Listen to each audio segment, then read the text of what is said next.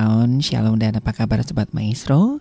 Ya doa dan harapan kami Anda tetap sehat ya Dan tetap menikmati segala kebaikan Tuhan.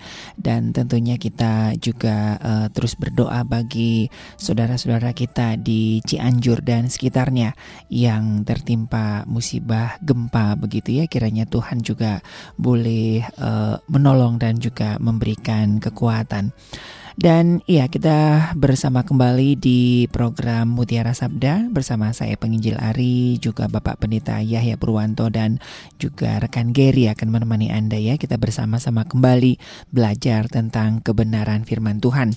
Silakan bagi sobat maestro yang ada pertanyaan seputar kebenaran firman Tuhan ataupun juga iman Kristiani boleh langsung SMS atau WhatsApp di 081 321 000925. Apa kabar Pak Yahya Purwanto? Ya, selalu baik. Selalu baik ya. Kita selalu ada dalam anugerah Tuhan by, by the grace of the Lord. Mhm, mhm. Oke, baik kita sudah ada beberapa pertanyaan yang masuk ini ya Pak Yahya ya ini eh, ada satu pertanyaan yang saya lupa forward ke Pak Yahya ya. Ini kita bahas dulu eh, dari Pak Robinson ini Pak mengenai 1 Yohanes 5 ayat 16 ini tentang dosa yang mendatangkan maut apakah dengan pengakuan lanjut dengan pertobatan dan perubahan atau ada cara lain begitu Pak untuk eh, tidak mendatangkan maut begitu.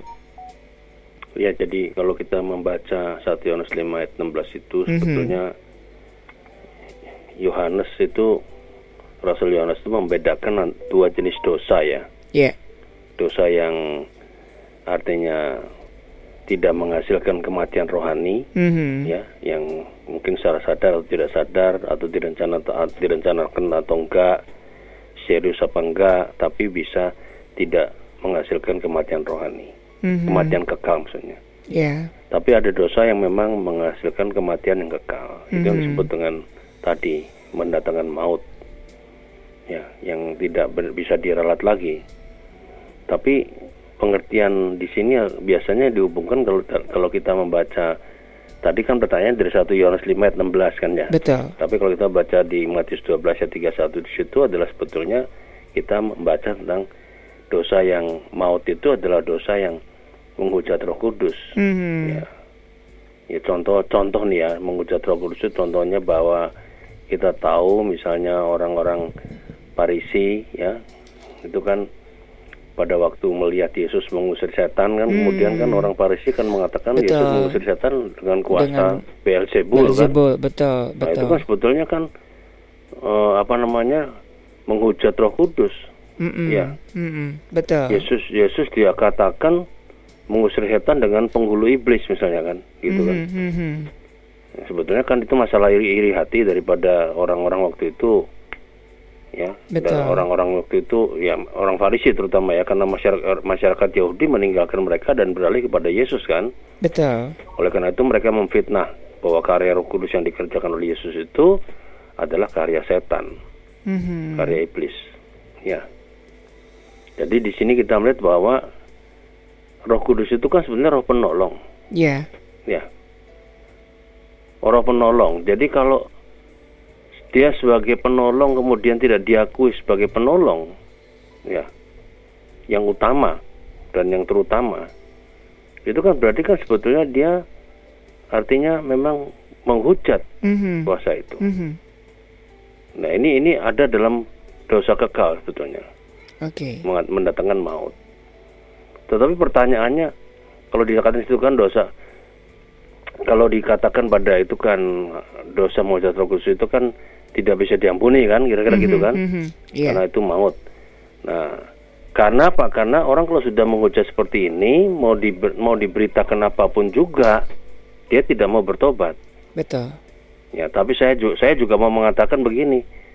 Bisa saja di satu titik orang yang sudah menghujat Roh Kudus ini misalnya seperti penjahat di salib itu misalnya kan, misalnya the last minute tiba-tiba Iya. tiba-tiba dia menyesali dosanya. Mhm. Dia resah dengan dengan hujat apa dengan uh, firman Tuhan bahwa menghujat Roh Kudus itu dosanya kekal. Kalau dia resah, gelisah, itu kan berarti tanda bahwa ada, ada usaha untuk bertobat ya sebetulnya. Betul, betul. Jadi ketika dia dia masih bisa seperti itu, menurut saya ya, Mhm. menurut saya saya menafsirkannya bahwa ada kemungkinan dia diampuni karena Iya, belum iya. di titik kematian. Iya. Ya, jadi saya mau uh, adagium saya adalah bahwa selama kita masih di dunia ini Mhm. berdosa apa pun juga sebelum kita mati asal kita mau bertobat saya rasa Tuhan masih, Masih. menunggu kita. Oke, Karena seperti Tuhan tidak mengingkari tidak- janjinya Tuhan yang itu ya, Pak itu ya. tidak dengan serta merta menghukum dengan Hmm, cara yang hmm. tidak adil, tidak. Betul, Karena betul. kasihnya ditunggu orang Iya. sampai the last minute mau bertobat. Betul, betul, betul. Ya, tapi tapi per- persoalannya adalah bahwa orang sudah menghujat Roh Kudus ini kan orang yang betul-betul menolak. Kalau sudah menolak melawan itu kemungkinan probabilitasnya untuk bertobat itu kecil gitu loh, Mas. Iya, iya. Kecil. Tapi menurut saya ya tidak tidak mustahil ada kemungkinan Mhm, dia mhm, bertobat. mhm, mhm. Walaupun kecil ya, Iya, proses iya. probabilitasnya kecil tapi bisa saja di saat dia mau meninggal dia resah hatinya, gundah gulana, Mhm. dia ingat bahwa dia dulu pernah menuduh Yesus misalnya memakai kuasa setan segala macam itu kan. Dia gelisah lalu pada waktu Tuhan mau mencabut nyawa dia ternyata dia eling, dia Iya. sadar dia mau menerima Yesus, Betul. mengakuinya kembali. Betul. Aku salah dulu Betul. ngomong itu. Betul. Saya salah. Betul. Ada ada teolog yang juga mengatakan bahwa seandainya Lucifer pun bertobat, Tuhan mengampuni ya Pak ya. Iya, saya rasa karena karena Allah itu kasih. Allah Kasih, itu betul. Allah itu bukan manusia yang eh, balas dendam Mhm, dalam mhm. hidupnya, tidak. Allah Iya. itu hakikatnya kan kasih. Kita Betul. sudah baca pada eh, kita sudah Dibahas ya beberapa pada waktu lalu ya, kemarin ya. salah ya. Betul, betul. bicara kasih itu kan. Hakikatnya kasih. Identik sebetulnya. Mhm. Ya. Kalau orang orang tahu bahwa Allah itu kasih berarti apa? Segala sesuatu yang dilakukan oleh Allah pada manusia itu dasarnya kasih. Betul. Walaupun pada waktu kita menerimanya berat Mhm. Iya, pergumulan kita. iya. Tapi semua yang Tuhan lakukan adalah penuh kasih pada kita. Mhm. Gitu. Jadi karena kasihnya itu dia masih menunggu sampai detik terakhir karena Tuhan tidak mengendaki kematian orang fasik. Kalau kita membaca ya sekilas pasal 33 kan di sana dikatakan Mhm. Allah tidak mengendaki kematian orang fasik tapi supaya orang fasik itu bertobat dan kembali ke jalan yang jalan Tuhan. Iya. Itu ada. Mhm. Karena Allah tidak mengendaki kematian orang dalam keadaan fasik. Iya. Allah mengendaki orang kalau mati dalam keadaan dia mendapatkan hidup yang kekal. Kekal. Gitu loh. Mhm, Itu kasihnya begitu sampai Iya, begitu. Betul. Rupa. Betul. Ya, Oke. jadi sebab kalau tidak ada tidak ada apa namanya seperti yang saya katakan tadi bahwa walaupun saat terakhir orang bisa selamat itu kalau tidak ada seperti itu ya percuma Yesus mati di kayu Ya, salib mengorbankan betul. sampai sehebat-hebatnya. Mhm, mhm. Iya kan? Betul, betul, betul. sia-sia. Ya, itu itu Betul. maksudnya. Jadi ing- ingat bahwa ya tapi kita kita yang percaya ini jangan mengatakan wah kalau gitu tunggu aja kita Hmm, mati aja nanti baru iya. bertobat. Ah, tidak, salah. Gak boleh. Pikiran kita harus tetap pada konsisten pada itu tadi. Betul. Ya, Betul. pada pikiran bahwa jangan tunggu nanti. Iya kalau kita tahu kita mau mati Betul. seperti penjahat itu kan masih Mhm, bisa mhm, ngomong-ngomong sama mhm, Yesus. Kalau nggak bisa tiba-tiba tidur kita lepas nyawa, Iya, kan nggak bisa bertobat lagi. betul. Nah di situ ke maut, Mhm, mendatangkan mhm. maut kematian kekal Iya, selama lamanya. betul. Makanya di baik di perjanjian lama atau di perjanjian baru itu sering kali diulang kalau hari ini engkau mendengar Suaraku fit- ya. suaraku ya, bertobatlah, berbaliklah. Hmm, jangan gitu keraskan ya. hatimu. Jangan keraskan hati. Oke. Tapi ber- bertobatlah. Iya. Jangan keraskan hatimu, Mhm, bertobatlah. mhm. Itu. Jadi itu. Ya. jadi saya punya pikiran bahwa tidak ada dosa di dunia ini yang tidak bisa dihapuskan oleh Yesus. Betul. Betul. Ya, tidak ada. Asal kita mau bertobat, Mhm, Tuhan pasti akan mhm. dat- tolong Oke. kita. Oke. Ya. Ya. Ya. Jangan sampai keburu mati. Kalau keburu mati ya betul-betul Ya, itu yang nggak diampuni, betul. Sampai detik terakhir kita Ya. nggak mau bertobat. Mhm. Nah di situ sih tidak ada lagi pertobatan di dunia orang mati. Ya. Oke, sudah eh, cukup jelas ya Pak Nah Rob- itu artinya Robinson? di situ artinya mendatangkan maut. Ya. Maut itu adalah kematian kekal. Mhm. Ya, Oke. ya. Ya. Oke, terima kasih buat Pak Robinson ya. Nah, eh, sebelum kita bahas yang dari Pak Mulyanto, Pak ya, ini kemarin saya lupa. Ini eh, sebetulnya agak sedikit eh, ke etika sih, Pak ya. Jadi ada seorang sahabat yang eh, dia dari partai politik terus mau sekolah teologi, ya, tapi kok nggak boleh gitu, Pak ya. Nah, nanti kita akan eh, coba bahas itu ya, Pak ya. ya. Nah, kita ke Pak Mulyanto dulu ya. Ini tentang eh, ulangan 28 ayat 13 ini, Pak Yahya. Ini mengenai eh tentang kepala dan ekor ini, Pak. Mm-mm. Coba kita akan bacakan ya. dibacanya. Ini sepertinya sering kali dijadikan doa berkat doa berkat penutup ini ya.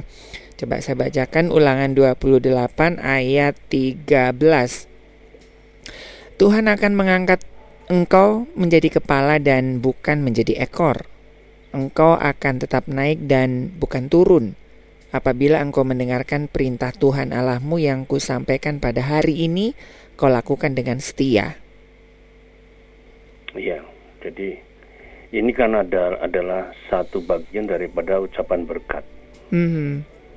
Dan jadi jadi di situ kalau saya boleh terjemahkan secara bebas ya di ayat 12 itu eh ayat 13. 13. Itu, jadi Tuhan akan menjadikan kamu pemimpin di antara bangsa-bangsa, kepala kan? Hmm. Dan, dan bukan pengikut. Oke. Okay. Ya. Tuhan akan memberi kamu semakin maju dan bukan mundur. Hmm. Ya, asal kamu mentaati semua perintah Tuhan yang diberikan yeah. pada hari ini. Kan kira-kira gitu. Yeah. Nah, ini kan hubungannya kan dengan sebetulnya ini kan hubungannya dengan masuknya masuknya umat perjanjian Tuhan ke tanah perjanjian. Tanah perjanjian, betul. Di situ banyak bangsa kan gitu kan. Mm -hmm. Tuhan bikin janji seperti itu kira-kira begitu. Jadi engkau tidak akan jadi apa pengikut, tapi engkau akan menjadi leader di situ. Yeah. Dan memang memang benar Tuhan janjikan itu pada umat perjanjian dan berhasil kan mm -hmm. umat perjanjian di situ. Mm -hmm. Makmur, tidak pernah mundur. Kalau kita melihat dataran uh, kalau kita misalkan jalan-jalan ke eh, Israel sekarang ya untuk bersiarah katakanlah begitu mm-hmm. kita melihat bahwa itu aneh juga. Kalau di seberang kan Yordannya dengan Israel kan cuma berbatasan dengan sungai itu kan? Iya. Ya Yordan. Yordan iya. Ya. Yordan sebelah timur sungai Yordan Israel sebelah barat, barat. sungai Yordan. iya. Nah kalau kita lihat dari angkasa itu dari udara kalau naik pesawat terbang itu kelihatan itu. Mm-hmm. Yang bagian Yordan itu kelihatan gesang, yang bagian Israel kelihatan Bet- hijau. Iya. Padahal sebenarnya tanahnya sama kan itu kan. Mm-hmm. Sungainya sama, sungai sama, Yordan. Betul, betul. Yang mengairi. Tapi beda, ya memang beda. Jadi memang itu memang berkat. Nah, yang penting begini ya. Ya ini jadi ada konteksnya ini. Konteksnya karena mereka mau masuk ke tanah perjanjian dan Tuhan mau menjadikan mereka bangsa pilihan kan kira-kira gitu. Mm-hmm.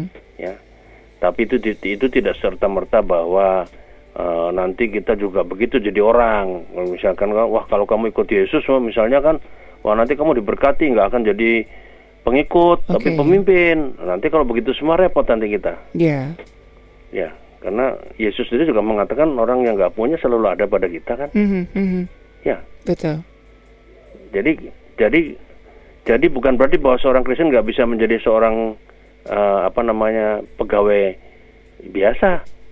Iya. Yeah. Ya. Lalu dia dengan janji ini, wah dia akan yakin bahwa dia pasti jadi satu saat jadi apa uh, pemimpin di tempat perusahaannya. Iya. Yeah, yeah. Padahal kapasitasnya tidak seperti itu, talenta dia nggak seperti itu. Mm -hmm. Ya. Jadi ini tidak berbicara tentang posisi ya Pak ya? Tidak, posisi... tidak bicara posisi, okay. tapi bicara berkat. Berkat. Okay. Ya nanti saya jelaskan okay. lebih jauh lagi. Jadi bukan, jadi jangan kita punya pikiran gitu nanti. Nanti ya mm-hmm, repot mm-hmm. nanti. Kalau wah, kalau gitu jadi orang Kristen semua berkat yeah, Tuhan, nah, yeah, teologi yeah. sukses nanti. Betul, betul. Gak benar kita. Ya, tidak ada teologi sukses. Bahkan Yesus pun sebagai pemimpin dia tidak punya bantal untuk uh, meletakkan kepalanya kan tempat. Iya. Yeah. Iya kan? Iya. Yeah. Iya. Yesus tidak punya mercy untuk hmm. me- me- melayani. Yeah di kota dari kota ke kota. Betul, dia betul. masuk Yerusalem aja pakai keledai. Betul. Binatang yang paling rendah ya. kan? Bahkan nggak punya tabungan ya pak ya? Ya ya kan gitu kan? Ya. Yesus sendiri mengajar pada orang kaya supaya hmm. kalau kamu jadi orang kaya kamu harus bagi-bagikan berkat ya. pada orang nggak punya. Hmm karena ada perintah orang kaya yang harus bagaimana dia berdiakonia sosial kan? Yeah. sudah jual hartanya. Padahal sebenarnya Yesus tidak mau membuat dia miskin tidak. Mm-hmm tetap jadi kaya juga kalau dia membagikan hartanya. Betul. Cuman orang itu mengerasakan hatinya tidak mau kan karena banyak hartanya. Ya jadi kita ini ada ada kesalahkaprahan pada kita sebagai orang percaya ini. Bahwa berkat itu diartikan seolah-olah hanya untuk urusan materi. Materi, ya. Kesuksesan. Mm-hmm. Nah, oleh sebab itu khotbah-khotbah yang di gereja itu sangat apa eh, dominan tentang masalah ini mm-hmm. dan itu digandrungi diminati oleh semua orang Kristen. Ya. Yeah. Gitu loh. Ini yang bahaya. Ya, bahayanya adalah apa? Bahwa Yesus tidak pernah mengajarkan itu loh sebetulnya. Mm-hmm. Mm-hmm. Ya, tidak karena berkat itu bukan dalam urusan yang bersifat materi. Materi. Bukan. Ya. Ya. Nah, kembali ke masalah berkat. Ya, jadi berkat tadi itu kalau kita membaca ulangan 28 ini Mas, itu dari mulai ayat 1 ya sampai dengan ayat yang terakhir. Ya, ulangan pasal 8 itu itu sampai beberapa kali dikatakan kalau kamu mentaati aku, Hmm. melakukan dengan setia segala perintahku, ya. Kalau kamu apa ngikuti apa yang saya katakan, ya, Iya, itu berkali-kali itu. betul, betul. Kira-kira begitu. Maka Mhm, mhm. ah, Tuhan akan nah, memberikan berkat. Iya, Kira-kira gitu. iya. Di bagian akhirnya ayat 14 dikatakan apa? Apa? Di situ. Coba ayat 14 Mas baca. Ayat 14 eh Ulangan sebentar. 28. Iya. Dan apabila engkau tidak menyimpang ke kanan atau ke kiri dari segala perintah yang kuberikan kepadamu pada hari ini dan mengikuti Allah lain dan beribadah kepadanya. Nah, iya kan? Iya. Jadi berkat itu akan diberikan di bagian akhir katakan Hmm. mau dikatakan gini, eh kamu jangan sekali-kali me- melalaikan perintah-perintah ini loh. Dengan cara Hmm. bagaimanapun juga, dengan segala alasan. Iya. Jangan memuja mengabdi pada Allah lain. Kira-kira gitu. Hmm, hmm, hmm, hmm. Itu diakhiri gitu. Jadi berarti Iya. sebetulnya beberapa kali dikatakan orang mesti taat Tuhan, lakukan perintahnya, setia pada janjinya, gitu kan? Hmm, hmm. Jangan nyimpang kiri kanan, ya. Jangan lalai perintah-perintah itu. Jangan pakai alasan apa pun nggak melakukan perintah. Ya, jangan. Iya. Jangan jangan artinya eh, beralih kepada Allah lain. Tetaplah ber mengarah hidupnya, hidup Mhm. kita kepada Tuhan Allah Israel. Itu nah kalau ini dilakukan maka berkat itu akan hadir pada kita. Hmm, hmm. Kira-kira gitu. Dan berkat Allah atas kehidupan orang percaya itu memang akan diberikan. Ya. Iya. Dan dalam ulangan banyak banyak anu aspeknya nih, tapi nanti kita nggak bisa bahas semua. Tapi Betul. khusus untuk ayat ulangan 28 ini di sini adalah berkat dalam arti bahwa ini adalah karunia Allah yang menyebabkan apa yang kita kerjakan menjadi berguna, Hmm. menjadi ada hasilnya. Iya. gunanya ya buat kita sendiri tapi juga gunanya buat orang lain kira-kira gitu Hmm, hmm. ya kalau kamu jadi kepala bukan berarti menindas ekor kan begitu Oh, iya. iya kan kadang-kadang kita kalau sudah jadi Betul, kepala betul, jadi betul. ber- dikasih berkat Iya. yang ini betul, kan berhasil betul. kan kita lalu jadi ngetiplak jadi Mhm, seperti mhm. orang gagah lalu memeras orang miskin Hmm, hmm. menekan para buruh dan segala macam bukan ingat loh itu makanya ada kepala dan ekor itu satu kesatuan kepala Iya, dan ekor iya. itu sebetulnya Betul. jadi kalau pemberian Allah sebagai karunia berkat ini yang menyebabkan apa yang kita kerjakan bisa berhasil itu untuk juga ekor Hmm, hmm. ya untuk semua orang yang anu itu kira-kira begitu. Ya. Nah bagi yang menjadi ekor ya ada orang Kristen jadi ekor misalnya kan kan tidak semua orang jadi kepimpinan kan. Iya, iya. ada yang jadi buruh biasa Hmm, hmm. misalnya kan. Dia menikmati berkat juga. Betul. itu loh mas. Betul, betul. karena kaitannya kepala dan ekor. Jangan dipisahkan ini nggak boleh Mhm, dipisahkan. Mhm, kalau dipisahkan ini bahaya. Iya, betul. orang akan cenderungnya kepada teologi sukses. Iya. nanti Ada diskriminasi Ya, gitu ya, Pak ya, tidak. akhirnya ya. engkau diberkati supaya menjadi ber Berkat. Ya. kira-kira gitu Oke. ini ya nah kita nggak bicara berkat dalam Mhm, pengertian mhm, lainnya di, mhm. di kitab kejadian ada juga kehadiran Allah pertolongan kekuatan itu di Kolose Efesus ada di Filipi itu tentang tentang apa yang kita lakukan itu adalah sebetulnya karena Tuhan punya anugerah Nah, tapi khusus di ulangan 28 ini adalah kembali karena ini kan mereka sedang mau masuk tanah perjanjian Mhm. Ya. Jadi mereka ketika masuk tanah perjanjian itu harus juga menjadi berkat juga ketika masuk sana. Oke. Itu di kira-kira gitu. Jadi di situ kita melihat bahwa nah, ya. Nah, yang penting itu adalah ada bagaimana Tadi saya mengatakan berkali-kali dari ayat 1 ayat eh, berapa tadi ya? Yang eh, ayat yang ke 9, Iya. lalu terakhir ayat 14, 14, itu berkali-kali kan kalau kamu mesti taat kan. Mhm. Itu jadi ada hal yang dituntut buat seorang yang menerima berkat.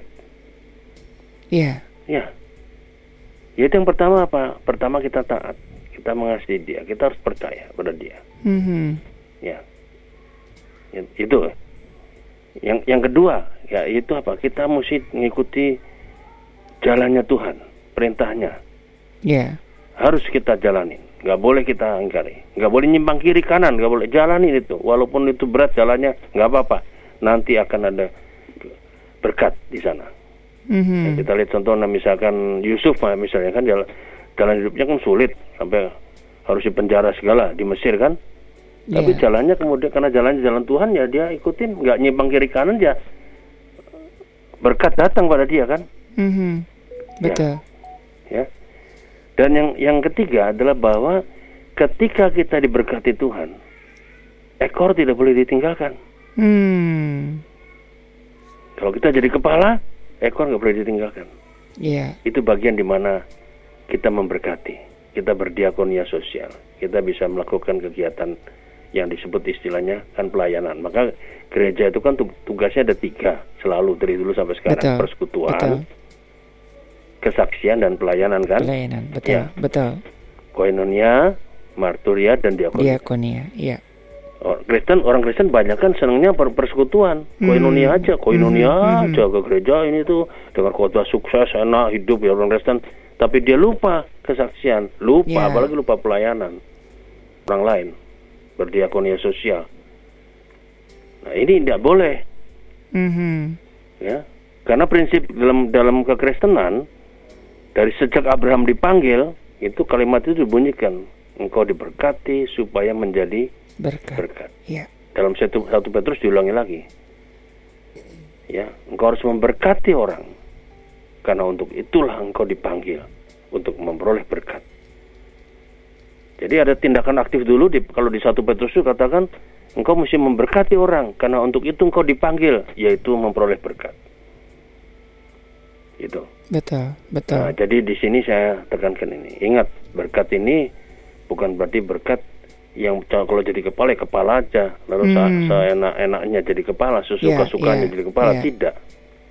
Kalau dijadikan kepala ada gunanya. Iya, tetap ada tanggung Iya. jawab ya, Pak Harus ya. ngelihat ekornya Iya. juga nggak bisa ditinggalkan. Betul, betul. Makanya kenapa di Alkitab Yesus selalu berkali-kali meng- mengatakan orang miskin selalu ada pada kamu. Mhm. Jangan ditinggalkan. Kalau kamu diberkati supaya orang yang nggak punya itu juga merasa terberkati. Mhm. Betul. dengan dengan kapasi- kapasitasnya. Iya kan? Betul, betul. Itu loh. Orang miskin tidak perlu member- mem- me- menjadi apa menerima berkat seperti konglomerat. Hmm. Asal dia bisa makan, minum, bahagia tiap hari, tiap bulannya, dia sudah bahagia dapat berkat Tuhan itu. Iya, Mhm, mhm. kan kira-kira begitu. Jadi saya mengingatkan jangan ini dipakai pikiran oleh kita bahwa berkat ini adalah hanya untuk kepentingan sendiri tidak. Oke. Ya. Oke. Ya, Iya. hati-hati jangan dipisahkan Mhm, mhm. pengertian bahwa engkau jadi pemimpin ya. Engkau ada di depan ya kan? Tapi yang belakang jangan ditinggalkan. Oke. Gitu loh. Mhm, mhm. Ya, jadi Iya. haruslah kita tahu itu. Ya, kalau kita memimpin di antara bangsa-bangsa yang ikut kita jangan ditinggalkan. Ya, Ya, betul, betul. gitu loh. Oke, ya, udah jelas ya buat Pak Mulyanto ya. Oke, nah ini tadi Pak eh, sebelum kita ke Ibu Lani nih tentang saksi Yehova, ini eh, ada saya nggak akan sebutkan namanya ya karena agak sedikit sensitif dan juga partainya begitu ya. Jadi apakah memang eh, seseorang yang sudah berkecimpung di dunia partai politik itu nggak bisa ke dunia kependetaan gitu Pak Yahya? dari eh, pengalaman ataupun dari eh, eh, pendapat Pak Yahya, Pak? Ya, ya se- sebetulnya sih harusnya tidak ya. Tidak masalah ya, Pak ya sebetulnya. Iya, ya? karena karena kalau politik kecuali kalau politiknya kotor. Hmm. Kalau kita ikut-ikut politik kotor. Sebet- Oke. Sebetulnya politik itu kan dari kata polis kan. Mhm. Ya, Ya. Polis artinya apa? Bahwa orang orang uh, mau menata kota kan? Mhm. Ya. Kalau menata kota kan bagus tuh mas. Ya, ya. Ya. Lalu ada istilah politik orang-orang yang ada di kancah dunia polis tadi. Ya. Bol- bukan polis asuransi loh ya. Mhm, mhm, Polis dari mhm. bahasa Yunani ini. Ya, ya. Dari kata polis lalu ada kata politik. Ya. Jadi kita melihat Hmm. Jadi kita melihat bahwa eh, ketika kita masuk di dunia mau menata kota itu, mestinya kan sp- spirit kita kan spirit yang bagus, Ya, ya. Harusnya kan begitu, Thomas. betul, betul. Ya, Nggak bisa nggak bisa sembarangan, Ya. ya kan? Karena karena Tuhan menit- menitipkan supaya kita juga menata kehidupan yang bagus. Mhm, Di situ. mhm, mhm. Nah, yang jadi persoalan adalah ketika orang ada di dalam dunia itu, ya, lalu kemudian mereka bisa mema- memakai cara-cara yang tidak terpuji dalam rangka menggolkan kepentingan untuk menata itu. Oke, ya. Nah, lalu di situlah terjadi politik yang kotor. Maka Mhm, istilah politik mhm. jadi negatif. Ya. Ya. Ya, jadi Ja- jadi tapi tapi saya mau mengatakan siapa pun orangnya yang punya hati nurani ya kalau melihat politik kotor kan nggak suka Mhm, mhm. Betul, betul. siapa pun termasuk yang bersangkutan kalau dia lakukan politik kotor Mhm. dia pasti dihakimi oleh dirinya sendiri seperti khotbah saya waktu MG, MGM yang Iya, minggu iya. kemarin hari Betul, Minggu kan betul, Pilatus betul. itu kan akhirnya Iya, diadili oleh dirinya diadili, sendiri iya, kan Betul. ketika dia di di hadapan Yesus dan Yesus bertanya terus pada dia, dia merasa dihakimi oleh Yesus di hati Mhm. nuraninya. Iya toh? Oke, iya. Sampai dia bikin pengakuan raja kan, Mhm. walaupun dia tetap tidak mau meng- apa mewujud nyatakan itu di dalam proses pengadilan. Hmm. Harusnya dia kalau kalau ngaku itu harusnya dibebasin, tapi ternyata enggak kan? Betul, betul, betul. Jadi kita melihat. Nah, jadi jadi eh, saya sih berpendapat ya tidak ada keberatan ya, kalau kita jadi politikus kemudian Mhm. Kita mesti jadi hamba Tuhan. Ya, tapi itu berarti apa? Secara struktural dia tidak lagi melayani di jemaat. Hmm. Itu aja. Ya, Ya, kependetaannya Betul. akan melekat betul. dalam apa? Dalam dirinya kan? Mhm, Karena dia udah mhm. ditabis kan. Iya. Nah, baiklah dia kalau ada seorang hamba Tuhan yang mau terjun di dunia politik ya gunakanlah semua kemampuanmu, hati nuranimu, ya berdasarkan firman Tuhan itu semuanya dijalanin dan jadilah politikus yang bagus. Oke. Kan banyak politikus-politikus yang bagus, Betul, betul, betul. ya, Betul. ya. Tapi juga banyak politikus yang busuk, yang jelek Mhm, banyak, mhm, mhm. ya, yang masuk penjara akhirnya karena korupsi, Iya, karena iya. manipulasi, karena macam-macam kan, serang menyerang, nggak jelas. Oke. semuanya. Jadi saya sih saya, saya sih berpendapat pada titik bukan saya anti uh, politik Iya, tidak, tapi iya, saya iya, iya. Nah, sebab kalau tidak ada orang-orang percaya pada Tuhan masuk di dunia politik bagaimana cara menatap kota? Hmm. Oke, Iya toh? betul, betul, Kita tersingkir nanti nggak bisa menata kota. betul. Masa kita mau jadi parlemen jalanan? Hmm. Kita mesti jadi parlemen yang ada di struktur dong. Iya, iya. Kalau mau menata Indonesia. Saya ingat saya ingat ingat saya kisah Ahok bagaimana dia diingatkan bapaknya kalau kamu mau jadi berkat buat rakyat, kamu Hmm. masuk ke dunia dunia pemerintahan. Iya, iya. Untuk untuk menjangkau lebih banyak iya. orang. Sebab ya. kalau kamu di, luar itu kamu cuma bisa akses sosial ABCD. Hmm, hmm, hmm, hmm. Tapi kalau di, di, di masuk dunia itu kamu bisa melakukannya dengan sistem. Oke. Sehingga lebih banyak orang yang terlayani, terberkati. Oke. Ya kan? Iya, Dan kita lihat iya. pada waktu Ahok jadi gubernur setelah Jokowi naik presiden kan bagaimana Mhm, itu yang namanya balai kota itu adalah tempat yang Iya, terbuka untuk iya, umum dan iya. orang senang Iya. semua persoalannya diselesaikan dengan bagus. Hmm, hmm, hmm, hmm.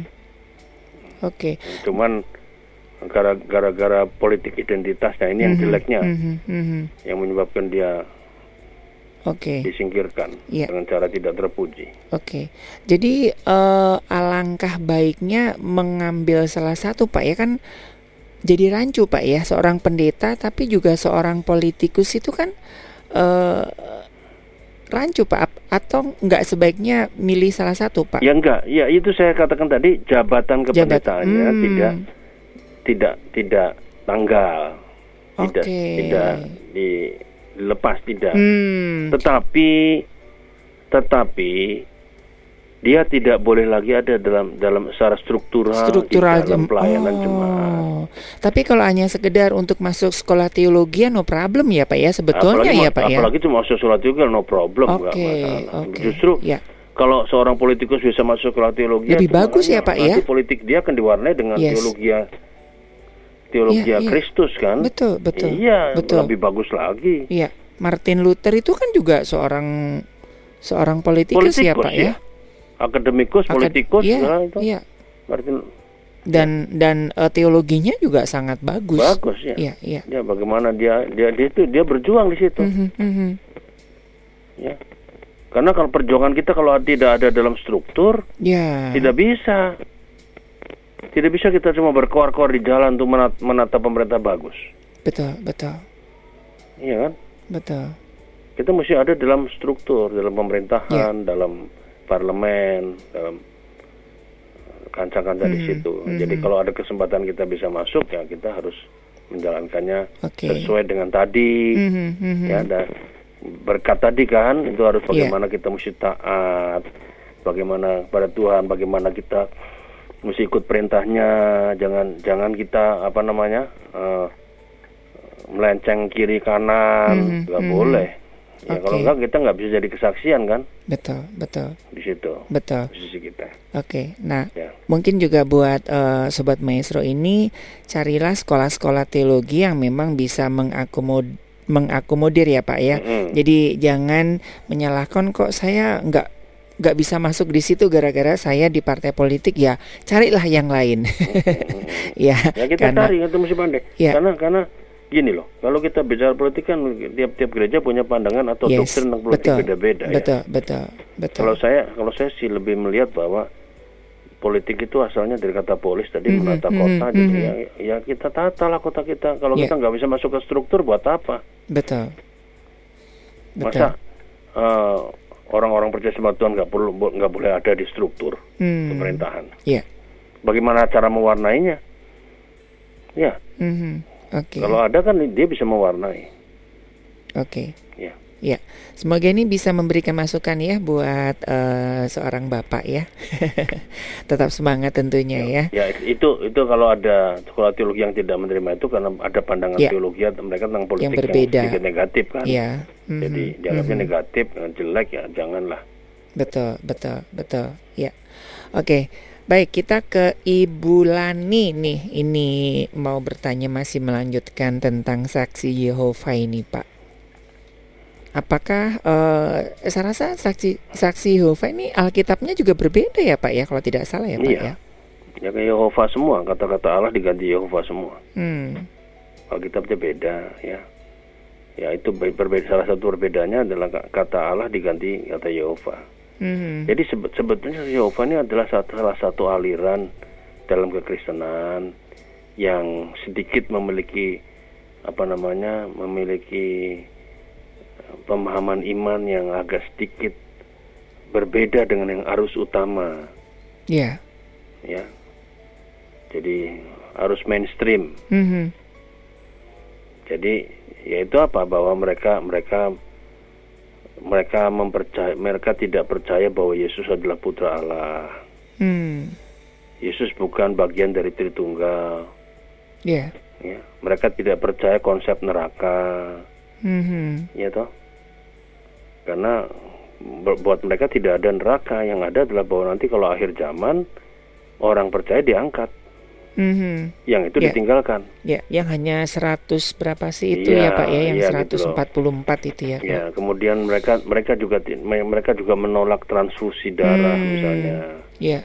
Ya, mereka tidak merayakan Natal karena mereka tidak menganggap Yesus sebagai putra Allah kan? Betul. Kemudian dari segi kenegaraan juga mereka menolak simbol-simbol negara, ya kan? Misalkan Betul. hormat pada bendera, pada simbol nggak nggak mau berpolitik juga nggak boleh, Mhm.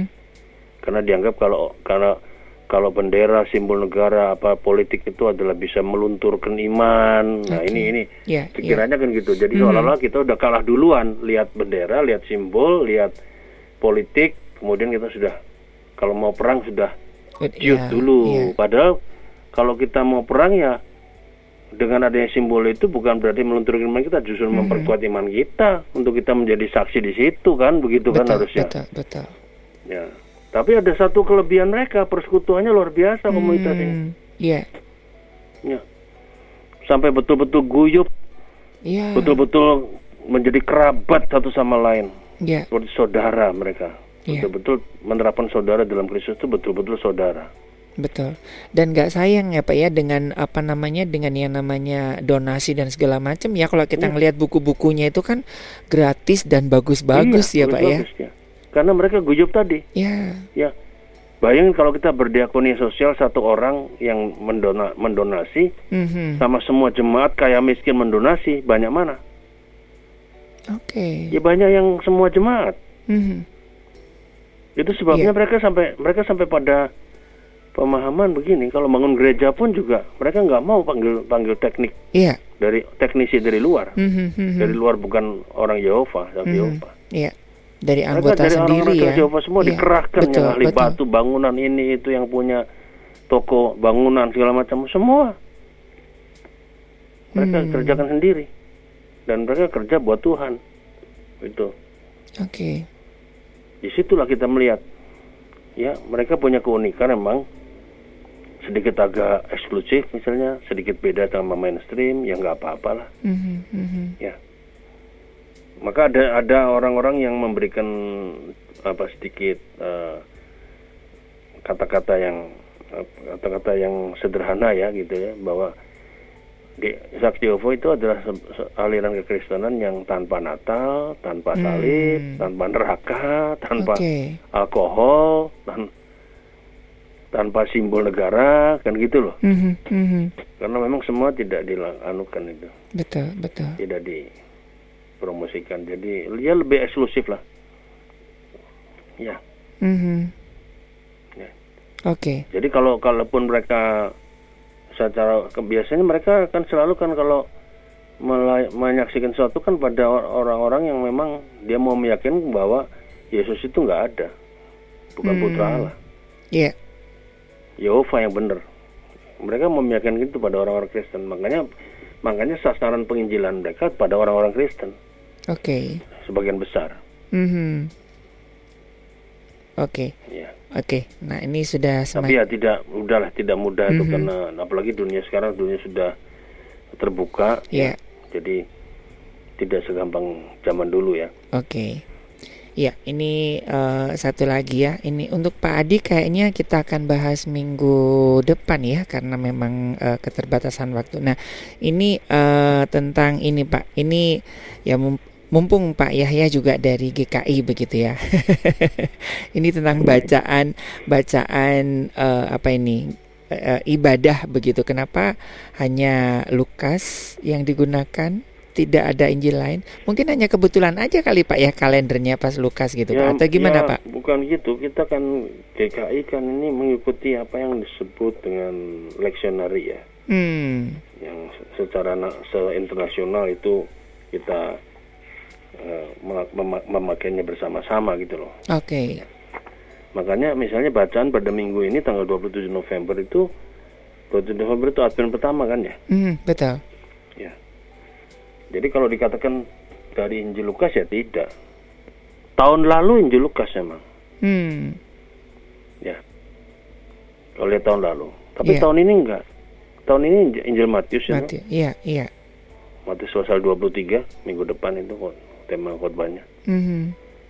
Jadi tidak tidak selamanya. Saya saya pada waktu khotbah MGM minggu lalu kan juga dari Matius kan kalau nggak salah ya. Iya, iya, Ya, iya. Yohanes Pak kalau tidak Oh, salah Yohanes Pak. ya, Yohanes. Iya, Yohanes. Bukan Lukas kan? Yohanes pasal berapa ya kemarin 20 itu ya? 18 ya kalau salah ya. Eh, iya. Yohanes 18 ayat 13 ya Pak ya? Iya iya iya.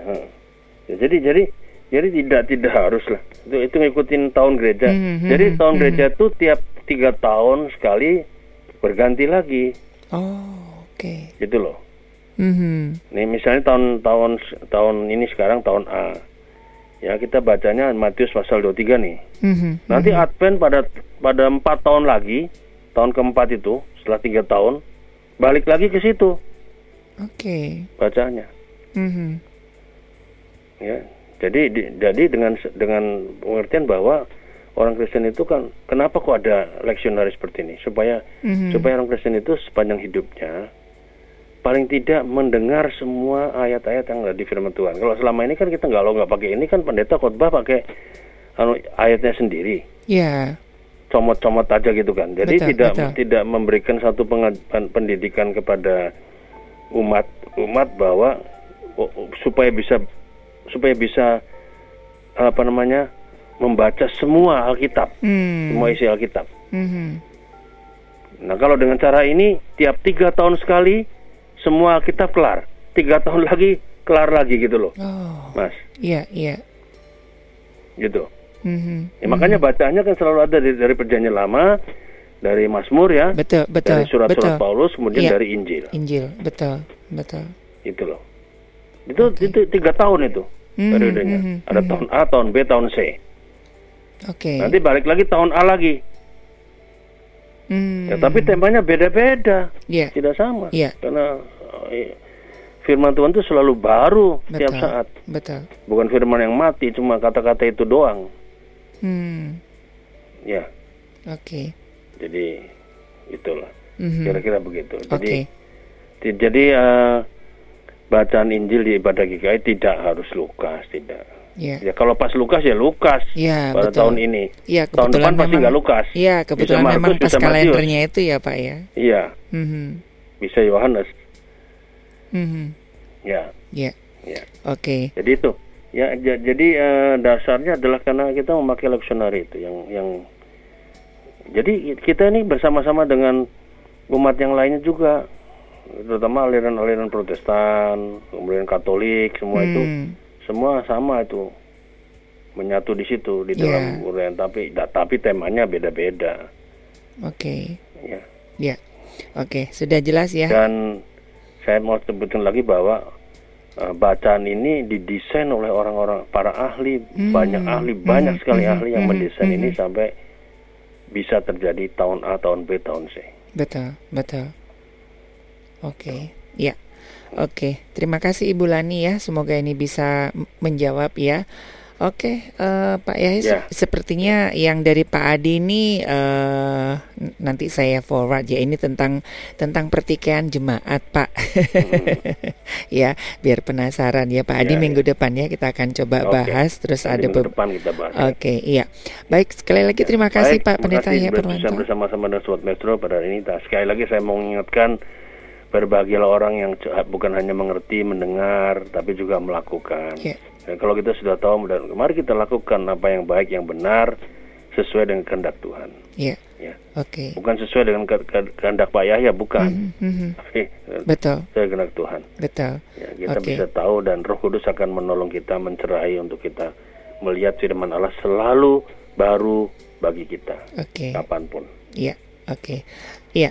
Baik, eh, Sobat Maestro, eh, kami terus menantikan eh, sharing ataupun pertanyaan Anda ya setiap hari ya. Dari setiap hari kalau misalkan ada pas renungan kurang paham, boleh langsung SMS ataupun WhatsApp ya nanti kita akan kumpulkan dan kita bahas di pertemuan yang akan datang. Baik dari Gerah Maestro Jalan Kaca Piring 12 Bandung, saya penginjil Ari, juga Bapak Pendeta Yaya Purwanto dan rekan Gary mohon pamit. Kita akan ketemu lagi di Mutiara Sabda selanjutnya. Tuhan memberkati.